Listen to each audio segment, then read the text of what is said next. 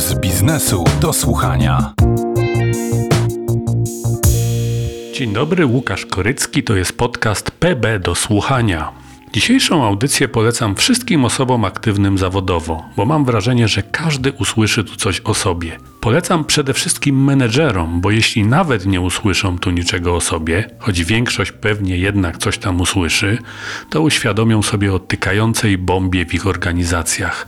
Ten podcast jest bowiem o wypaleniu zawodowym, zjawisku, które w ostatnim czasie bardzo przybrało na sile i ma negatywny wpływ przede wszystkim na nasze zdrowie, ale także na biznes. Jak diagnozować wypalenie zawodowe? Ile polską i światową gospodarkę kosztuje to zjawisko? Jakie są recepty na to, by pracownik doświadczający tego stanu znów nabrał energii do pracy?